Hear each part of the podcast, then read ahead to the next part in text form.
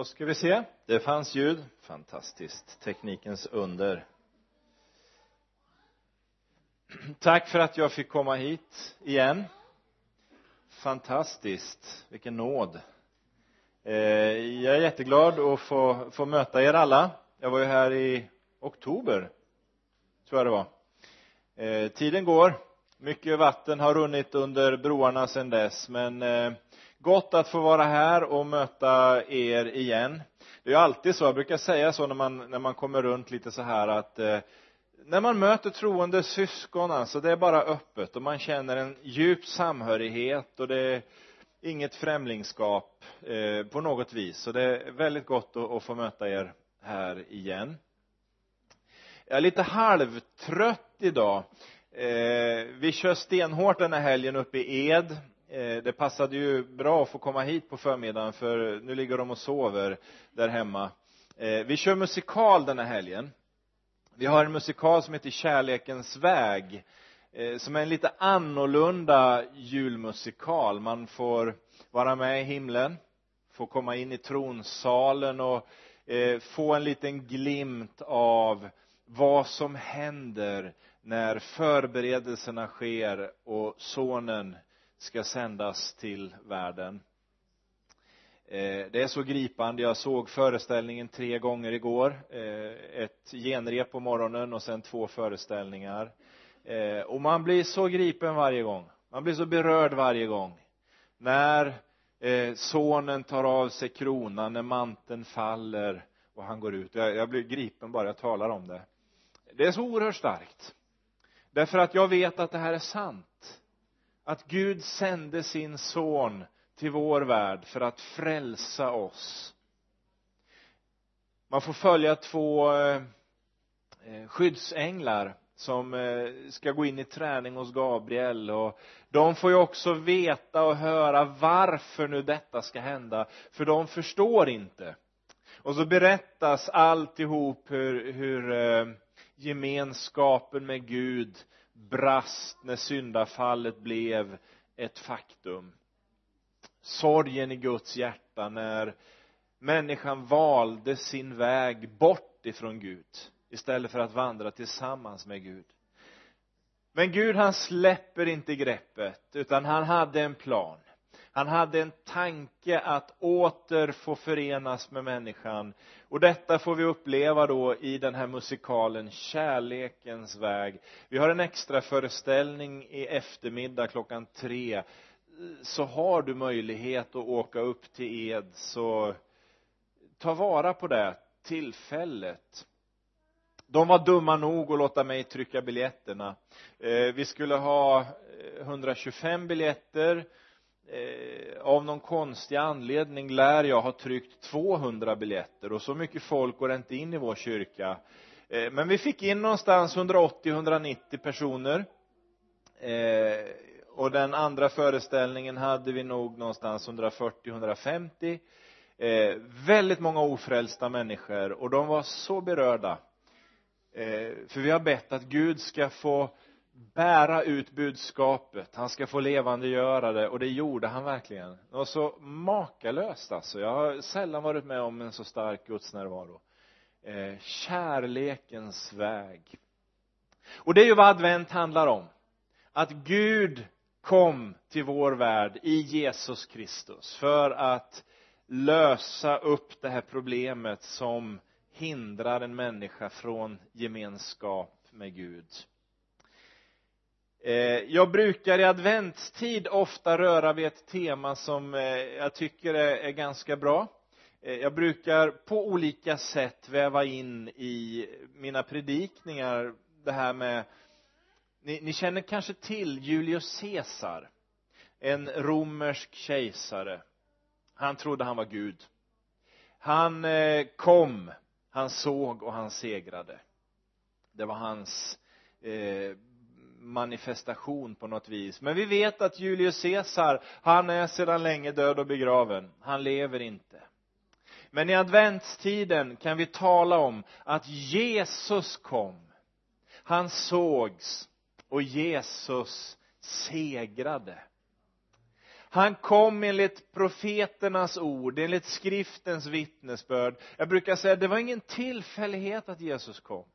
Det var ingen slump att han dök upp i Israel, föddes i Betlehem just då, på det sättet som det skedde. Det var förutsagt.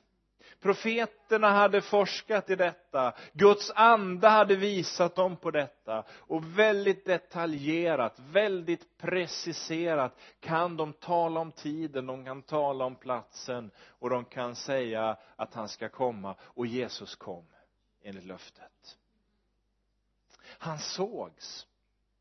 Vi vet ju av vetenskapsmän och forskare av olika slag och det är ingen seriös människa som ifrågasätter att Jesus kom och att han sågs. Frågan är om han är den som han säger att han är.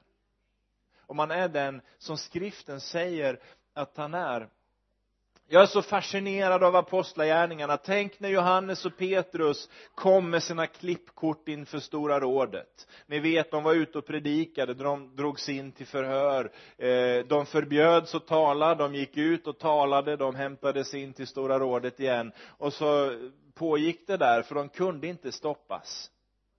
Och Petrus han säger ju inför stora rådet det vi har sett är vårt vittnesbörd vi kan inte tiga med det vi har sett. Att den Jesus som vi förkunnar är den som skriften vittnar att han är. Och Johannes som stod vid hans sida lite återhållsam kanske lite mer försiktig han skriver i sitt brev det vi med våra ögon har sett det vi med händerna har tagit på något levande, något verksamt.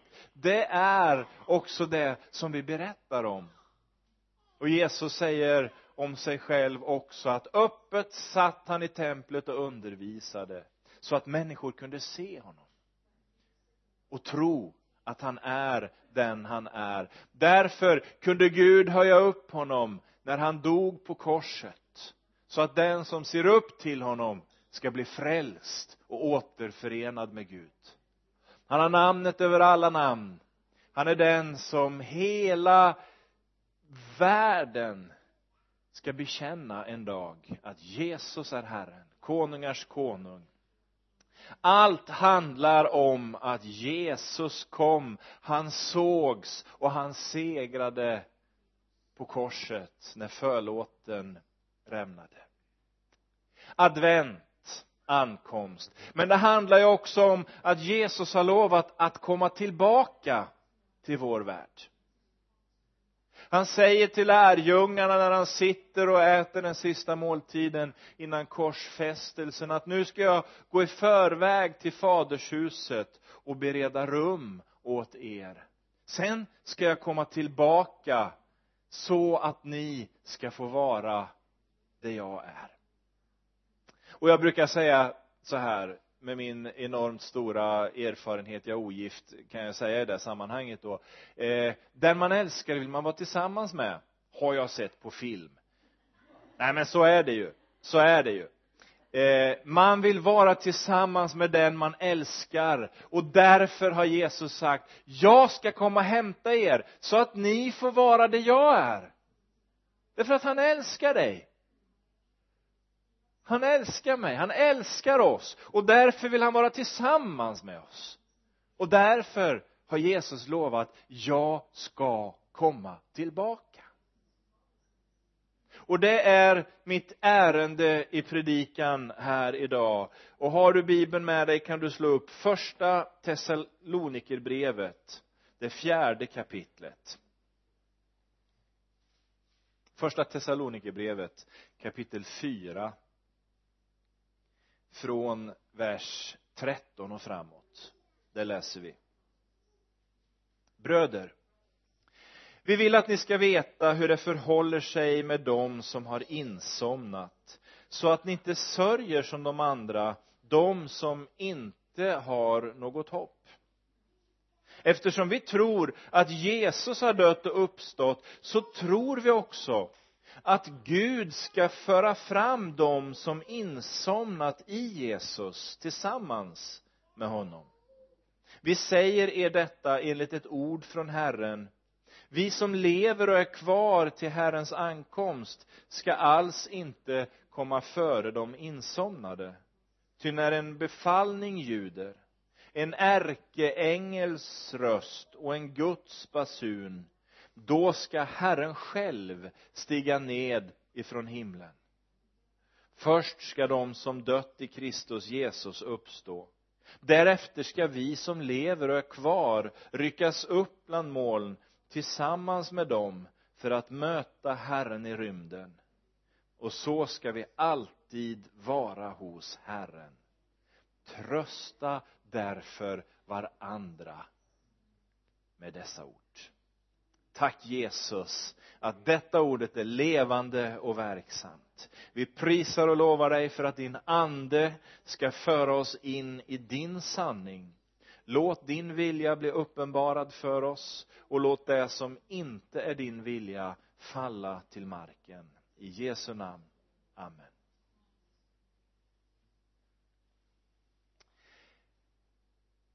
Jag känner ju inte dig så jag vet inte riktigt hur du tycker och tänker och hur du upplever att det är idag. När man tittar sig runt omkring och funderar på vad det är. Men jag kan känna en viss hopplöshet. Jag ska villigt erkänna det. Jag kan tycka att det är lite tungt att leva vissa dagar när jag tittar mig runt och funderar kring vad det är som händer. Ta bara det här nu. Eh, jag satt i fredags morse på en av skolorna i Ed. Eh, det var ett luciatåg som årskurs 3 hade, fantastiskt. Eh, de var så duktiga på att sjunga de här eh, barnen. Jag har sällan hört eh, en skolklass sjunga så fantastiskt bra. All eh, uppmuntran och heder till dem även om de inte är här. Men ett luciatåg i vanlig världslig mening. Och då är det ju lätt att tänka på det här eh, som vi lever i eh, varannat år brukar skolan få komma till missionskyrkan och till pingstkyrkan. Och, och pastorn i missionskyrkan hon sa till mig eh, strax innan advent här nu du Daniel jag vet inte om de får komma till er nästa år för jag tänker inte hålla igen. Nej men det är bra Cecilie sa jag. Eh, kör på, tala det Gud lägger på ditt hjärta, välsigna dem, be tillsammans med dem, det är inget bekymmer. Herren kommer att, att, att vara med dig i det men alltså det här att folk är så rädda för det du och jag tror på. Det som vi bekänner oss till det vi förkunnar. Alltså de måste tro att det finns en enorm makt i namnet Jesus för att de inte tillåter oss att välsigna och att be en kort bön i samband med en skolavslutning. Så då flyttar man ut det. Då tar man bort det från kyrkan det är helt okej, okay. nu ska man ha in sexualundervisning i alla skolämnen från eh, första årskursen upp. Det är helt ofarligt och det tycker de är fullt sunt och riktigt. Helt galet tycker jag då. Eh, men att bara få be en bön och välsigna det får man inte göra. Och så kan man känna ett visst litet missmod kanske eh, inför det här. Man kan känna sig lite eh, hopplös eller man läser de kristna tidningarna. Eh, jag brukar säga jag förstod när jag var här förra gången att det här är Levi Petrus dopförsamling. Eh, han som kom att bli pingströrelsens eh, förgrundsgestalt eller hur vi ska säga. Vi ska inte ära människor på ett orättfärdigt sätt men han hade stor betydelse för vad Gud kom att göra i Sverige. Eh, och han snurrar nog ett par varv i sin grav nu eh, när pingströrelsen har sin totala teologiska härdsmälta. Fullständigt galet vad som händer. Dopsynen eh, håller på att förändras och medlemskapssynen förändras. Nu tillåter vissa församlingar eh, samborelationer och samkönade relationer och allt börjar hämtas utifrån skriften som inriktning. Och man undrar vad är det som händer? Det går ju så rasande fort idag. Jag som har mina rötter i, i missionsförbundet som på något sätt föddes ur en eh, försoningsdebatt på 1860-70-talet nu är man inne i samma debatt fast totalt åt andra hållet där man börjar förneka uppståndelsen, man förnekar försoningens verklighet. Och man undrar vad i hela friden händer? Svenska kyrkan har brottats med sitt under många år och det var tydligare än någonsin i ärkebiskopsvalet i höstas. Trosrörelsen med sin förgrundsgestalt verkar vara på väg med väldigt raska steg mot Rom. Fullständigt otänkbart för 10-15 år sedan man, man undrar vad är det som händer? Och det går så fort så man blir ju man blir ju alldeles förundrad. Och samtidigt sitter folk och talar om väckelse i Sverige. Och allt pekar mot precis ett annat håll. Och, och, och modet och mungiporna sjunker och man funderar på vad i hela världen händer och, och, så har vi allt som händer runt om oss i världen med naturkatastrofer, krig, hungersnöd, Nelson Mandela som dör och jag vet inte allt vad det är som skakar om folk. Och, och man eh, sitter och undrar som sagt var någonstans är vi i tiden? Ja nu är vi här i baptistkyrkan i i Vänersborg den tredje advent 2013 klockan har passerat tolv. Och vi lever med en kallelse att vara ett ljus i den här tiden. Vi lever med en kallelse att vara ett salt i den här tiden. Och ett salt det handlar ju inte bara om att motverka förruttnelsen. Utan salt skapar ju också en törst. Eller hur? Jag som inte alltid är så noggrann. Det kan bli lite för mycket salt på maten och då sitter man och dricker. Tänk om vi får vara ett salt som skapar en törst efter Jesus Kristus. En sal, ett salt som skapar en längtan hos människor efter Jesus. Det är ju vår kallelse. Det är ju vårt uppdrag att vittna om Jesus, att vara en motkraft mot destruktiviteten i en skapelse som är på fritt fall, bort från Gud, ut i mörkret, ut i kylan, bort ifrån det som är verkligt och sant liv. Och det kan kännas som ett övermäktigt uppdrag när man ser allt det här som jag har talat om. För människor verkar ju inte bry sig om det som vi vittnar om. Och då läser vi de sista orden som Paulus skriver till församlingen i Thessalonike som vi läste. Vad sa han? Trösta varandra med dessa ord. Och jag känner ett sånt välbehag i mitt hjärta när jag läser det trösta varandra med dessa ord. Vem har inte varit ledsen? Vem har inte varit bedrövad och verkligen känt sig utlämnad, övergiven, förtvivlad? Och så har man mött en människa som tröstar. Och man får den här lindringen. Den här balsamkänslan i själen. Och nu säger Paulus trösta varandra med dessa ord. Vad jag tror och vad jag tänker att Gud på något sätt planterade i Paulus hjärta när han skrev de här orden eh, det var just att hoppet om någonting större någonting bort bortom allt det här ska få födas i våra hjärtan någonting som behöver bli uppenbart i de sista dagarnas ondska, i de sista dagarnas kaos, innan Jesus kommer tillbaka. Det finns ett hopp.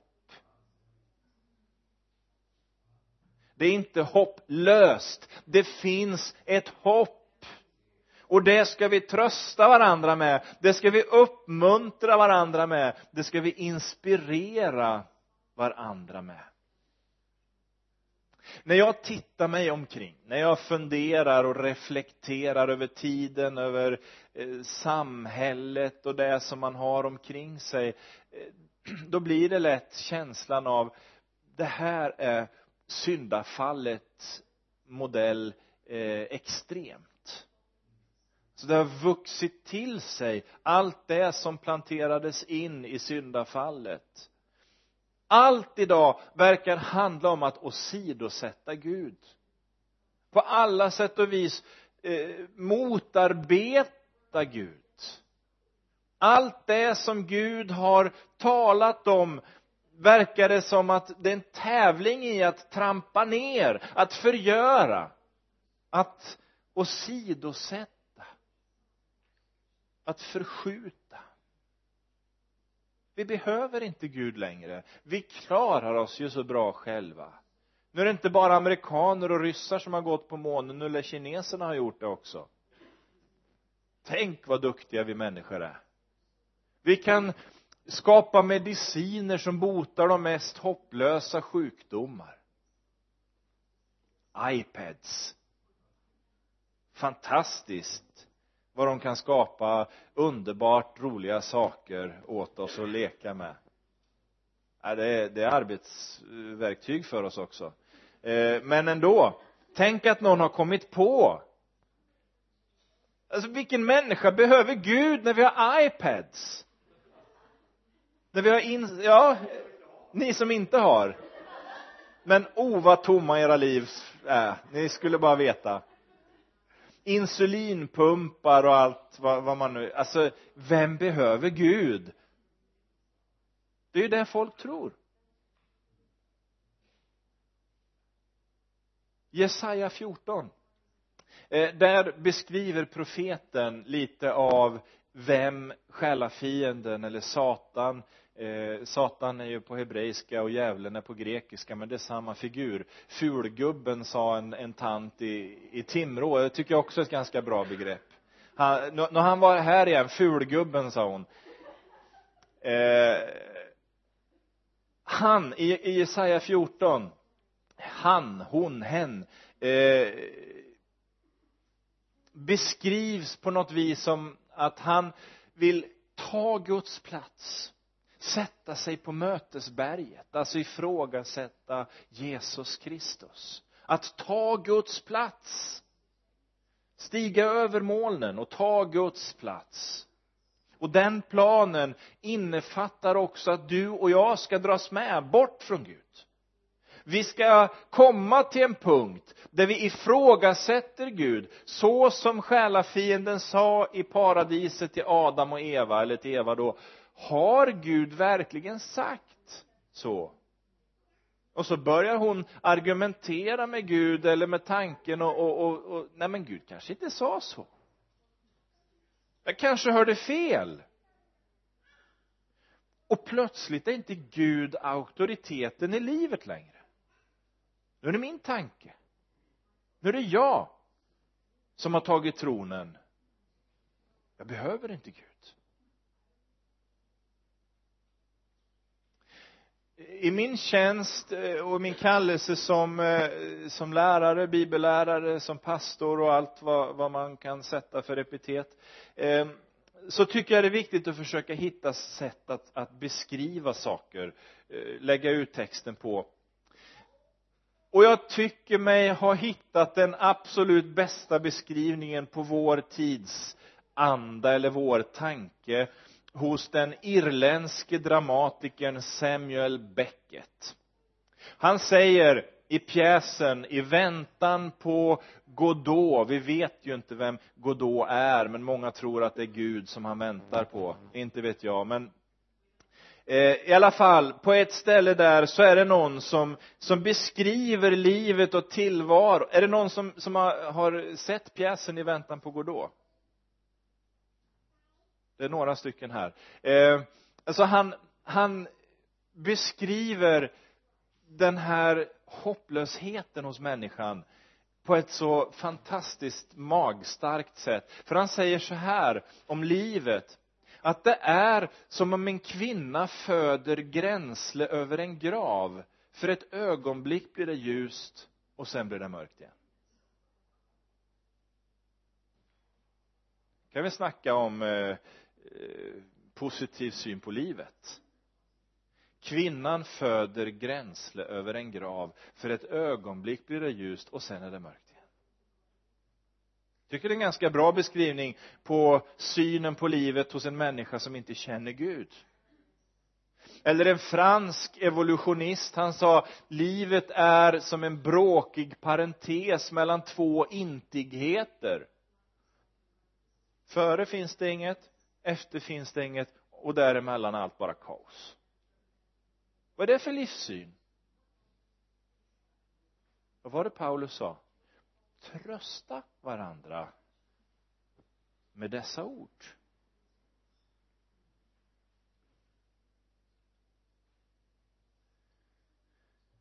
Paulus talar med ord som är som en motvikt mot den här hopplösheten ord som ger ett ljus i mörkret. Vi behöver inte sörja, säger han, som de som är utan hopp. Jag har stått i många begravningsgudstjänster och det är ju gott eh, att få vara med gamla tant Agda, 104 år, som har somnat in i tron på Jesus Kristus eller vad det nu kan vara för människor. Sen har jag haft som en liten bisyssla. Jag har förrättat en hel del borgerliga begravningar. Tänker folk att det får man ju inte göra som pastor. Men eh, det har varit ett sätt att få kontakt med människor som av olika orsaker valt bort kyrkan. Och så står man i en icke-konfessionell ceremoni där man inte talar om Gud man talar inte om frälsningen i Jesus. Man talar inte om himlen. Och man möter människor som inte tror på det här som har en djup sorg. Betydligt djupare än den sorg som vi har i våra kristna begravningar. Därför att för dem är det nu definitivt slut. Jag förstår att en sån människa gör allt man kan för att suga ut så mycket man kan av livet om man tror att allt handlar om här och nu. Och jag förstår att man blir stressad, man blir jäktad man blir utbränd. Så att vi inte sörjer som de som inte har något hopp. Och någonstans när man står i de här borgerliga begravningarna så på något vis så föds ju evangelisationsivern ännu mer. Och jag har hört och jag har mött de här människorna i vissa sammanhang efteråt eh, och de har sagt att ja du är den första frikyrkopastorn vi har träffat för jag säger alltid i samtalen att ja men jag är pastor i pingstkyrkan eh, och vill ni ha en annan officiant så är det okej okay för mig. Men jag hjälper er gärna om det är så. Jo men det, det går ju bra. Och så blir det lite dikter kanske istället för bibelord och man kan ha en tyst minut istället för att och, och be och, och så vidare. Men någonstans passar jag på att väva in ett budskap även om jag inte talar om Jesus som ska öppna deras sinnen. Och det är ju min bön det är ju också min längtan. Att även om jag inte predikar för dem på ett klassiskt sätt i det griftetalet så kan Guds ande verka på deras hjärtan. Och öppna dörrar. För Gud han har vägar ibland som inte vi förstår inte alltid som människor är mottagliga men, men ibland har de faktiskt varit det och det har varit ganska intressant eh, att möta de här människorna. Men vi vet ju för vi känner Jesus. Vi vet ju att det finns ett hopp. Ett levande hopp.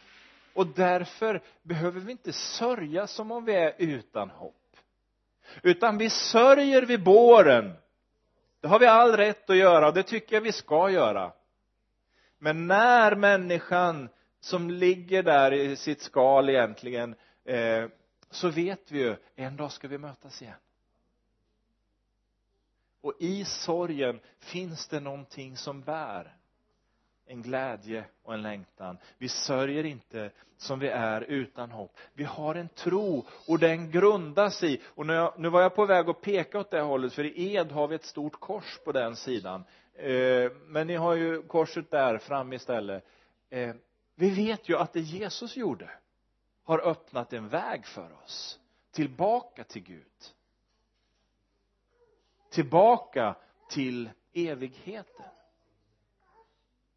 Paulus skriver i Kolosserbrevet kapitel 1 vers 4 och 5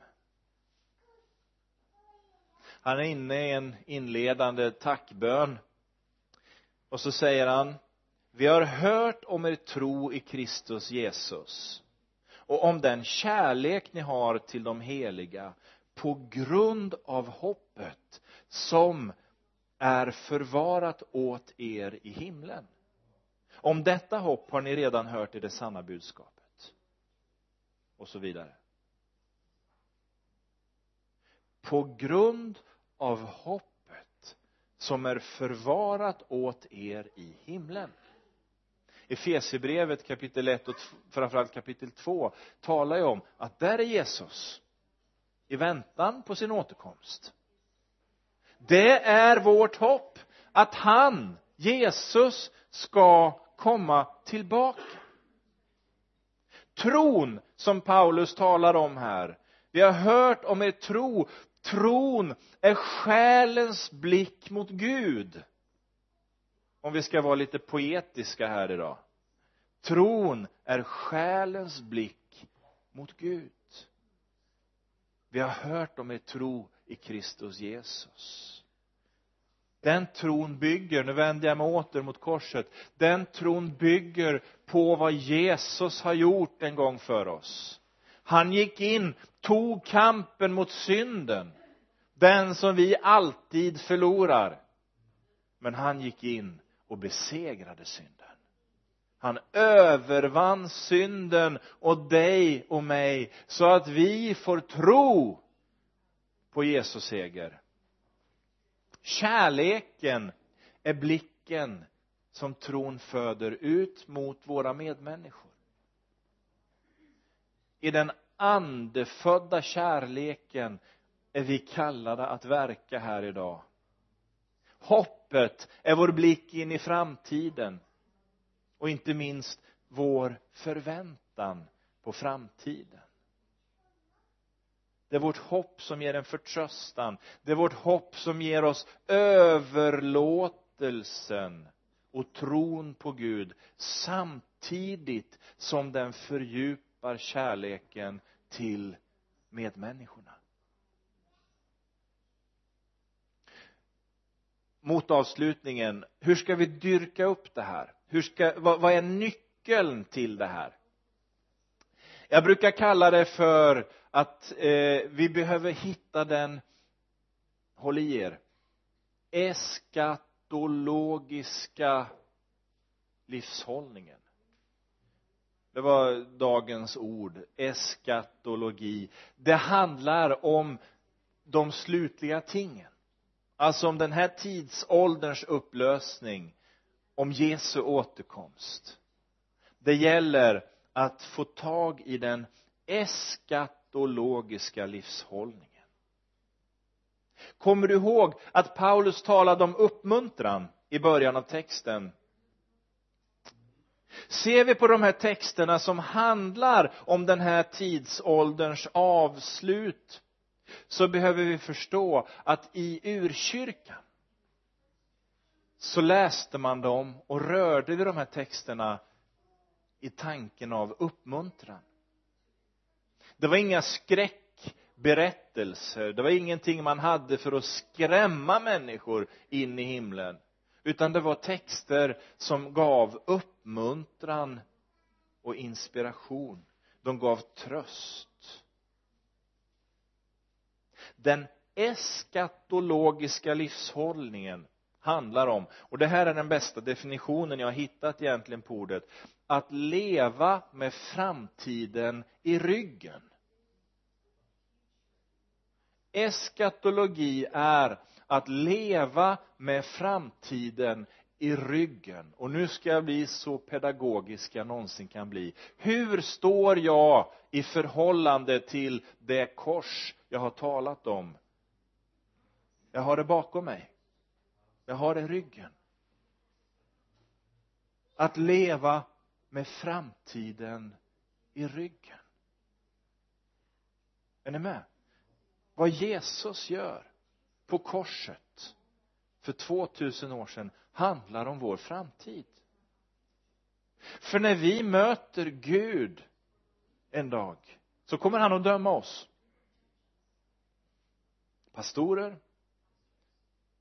präster professorer och så andra som inte börjar på P men alltså förstår ni? Alla människor det spelar ingen roll om man är en tiggare på gatan en kaffekokare eller vad man än är. Det spelar ingen roll. Gud lägger ingen värdering eller rangordning i det. Alla kommer att stå inför Gud och får avlägga räkenskap. Och då finns det en skillnad mellan människor. Det borde inte göra det men det finns en skillnad för en del tror på Jesus. Och andra gör det tyvärr inte. Och vi som tror på Jesus vi tror att Gud dömde vår synd i Jesus Kristus på korset. Det vill säga han dömer inte min synd i mitt liv när jag står inför Gud med Jesus vid tronen och ser hans sårmärkta händer kanske rent av så kommer Gud att säga till den som tror på Jesus frikänd i Jesus. Han dog för dig. Välkommen in i mitt rike. Och Jesus står där och tar emot. Ja det var hit jag gick för att bereda plats åt dig. Välkommen hem. Tack säger jag och sen har vi dem som inte vill tro att det här är sant. Och Gud får säga med en sorg som är större än vi någonsin kan förstå gå bort från mig. Ni har sagt nej till mitt rike ni har sagt nej till mig. Och ni har inte plats här. Ni hade möjligheten men ni sa nej. Och de går bort till evig dom. Evig fördömelse. Evig åtskillnad från Gud. Så säger bibeln. Och så tror jag att det är. Och därför är det också viktigt att vi får vittna om frälsningen i Jesus Kristus. Nyckeln vi behöver få tag i den eskatologiska livshållningen handlar om att börja leva med framtiden i ryggen och bekänna att Jesus har med mitt liv att göra. Hans död på korset har med försoningen för mina synder att göra. Och hans uppståndelse på den tredje dagen har med rättfärdigheten att göra. Paulus gör ingen speciell teologi nu om det här med Jesu återkomst. Ehm, jag vet inte hur det är med dig men jag möter ju många människor som tycker att det är ganska roligt. Eh, det var fel ord, vi tar bort det. Men alltså man tycker det är intressant med de här texterna som handlar om upplösningen av den här tidsåldern och så vill man veta och så vill man höra mig och jag tror att du också kanske möter det så vill de höra att, att vi lägger ut de här sakerna om vad som händer med, med det tredje templet och med Israel och eh, ja saker som, alltså man vill veta allting. Som om vi skulle rulla ut en karta och börja beskriva liksom allt det här händer och, och så kommer det att bli och så kommer det att vara och så vidare. Paulus är inte sån det passerar någonstans en del antydningar men det är inte någonting som han gräver ner sig i och lägger mycket utrymme åt.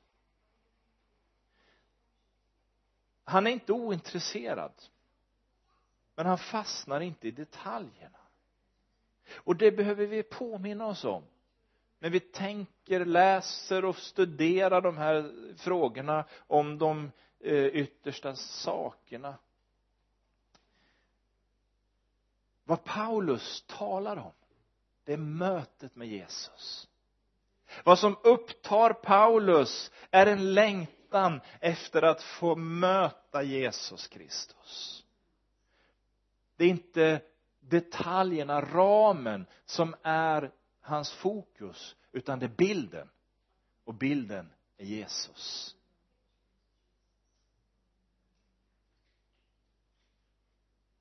Jesus understryker också eh, det här att det är inte så, så viktigt egentligen med det här yttre.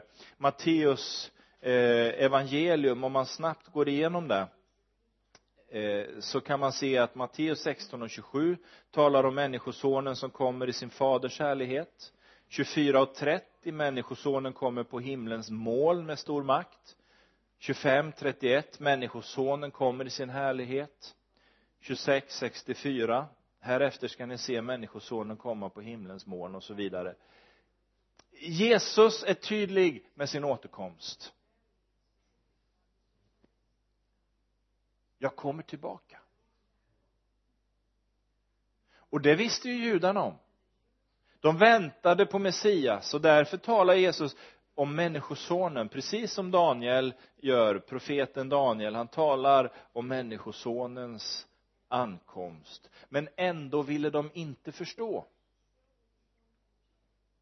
Men hela tiden när vi söker förståelsen för budskapet om detta så handlar det alltid om mötet mellan människosonen och folket mellan Jesus Kristus och hans brud församlingen. Det andra är lite i utkanten. Det är inte det som är det viktiga. Det är inte viktigt att veta om uppryckandet av församlingen sker före, mitt i eller efter vedermödan. Det är inte viktigt att veta tusenårsrikets uppbyggnad och allt som kring, finns liksom kring de här sakerna. Utan det viktiga är att Jesus kommer och att han ska möta oss människor. Det är det vi ska fokusera på det är det som behöver vara centrum i våra tankar så när jag sitter och arbetar med de här tankarna kommer jag hela tiden tillbaka till det centrumet när det rör frågan om Jesu ankomst, mötet mellan två som älskar varandra. Jesus som älskar dig och du som får älska Jesus. Det budet har gått ut i hela världen. Till alla människor, till alla stammar, till alla folk. Och det är också någonting som vi vet när vi sitter här i baptistkyrkan i Vänersborg detta underbara år 2013 Gud har i Jesus vittnat i liknelsen om tjänarna som går ut och bjuder in till bröllopsfesten ut på alla håll och kanter. Och de var här i Vänersborg för många år sedan och den här församlingen planterades av Gud.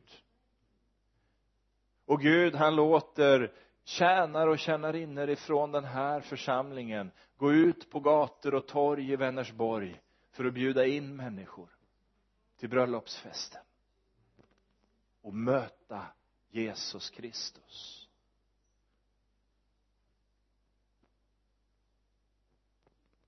Vi är alla inbjudna. Vi har ryggsäckar. Fyllda med synd misslyckanden svagheter brister tillkortakommanden. Och vi kan tänka låt mig bara få göra upp med det här så ska jag kunna möta det sen Jesus. Men han säger nej låt mig få ta itu med det. Lägg dina bördor i mina händer. Låt mig få lösa dig ifrån dem. Det var därför som jag kom. Så kan vi med lättnad dansa in i paradiset.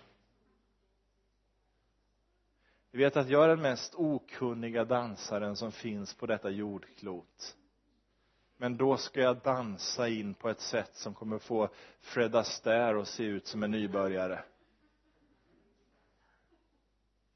Ja men fatta vad Gud vill göra med oss. Och anledningen till att det kommer att funka är att jag kommer att se Jesus. Och jag älskar Jesus. Och han kommer att se mig och han älskar mig och om det blir tango eller vals eller vad det blir när vi möts där det spelar ingen roll. Därför att det är jag och Jesus. Det är jag och Jesus. Det mötet är vad allt handlar om. Om ni kommer att dansa hiphop med honom eller något annat spelar roll. Det är ditt möte med frälsaren det handlar om. Inte allt det här andra.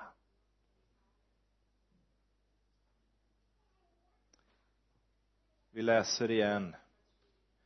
Första Thessalonikerbrevet 4 13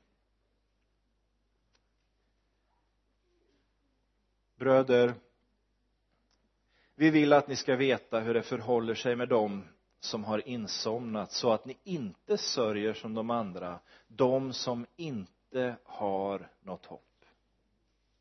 Eftersom vi tror att Jesus har dött och uppstått så tror vi också att Gud ska föra fram dem som har insomnat i Jesus tillsammans med honom.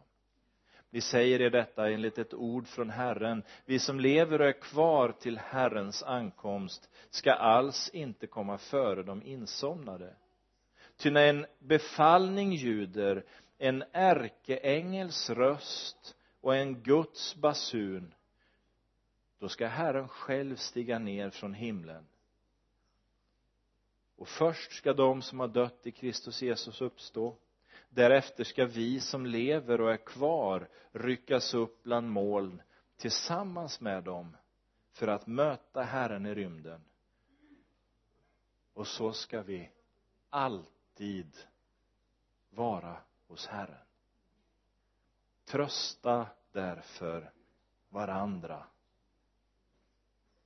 med dessa ord. Vi ber. Himmelske fader jag tackar dig för din nåd och barmhärtighet. Tack för din trofasthet som varar från släkte till släkte. Tack att du herre bereder ett möte med oss. Du förbereder i himlarnas sal en bröllopsfest som varar för evigt. Och jag ber för dem som är samlade här idag Jesus att hoppet och längtan efter mötet med dig ska få växa sig ännu starkare. Tack att du bär oss i en mörk tid. Du styrker oss i en svår tid och jag vet Jesus att du kommer att ge oss allt vi behöver för att gå segrande genom detta liv därför att du är vår segrare.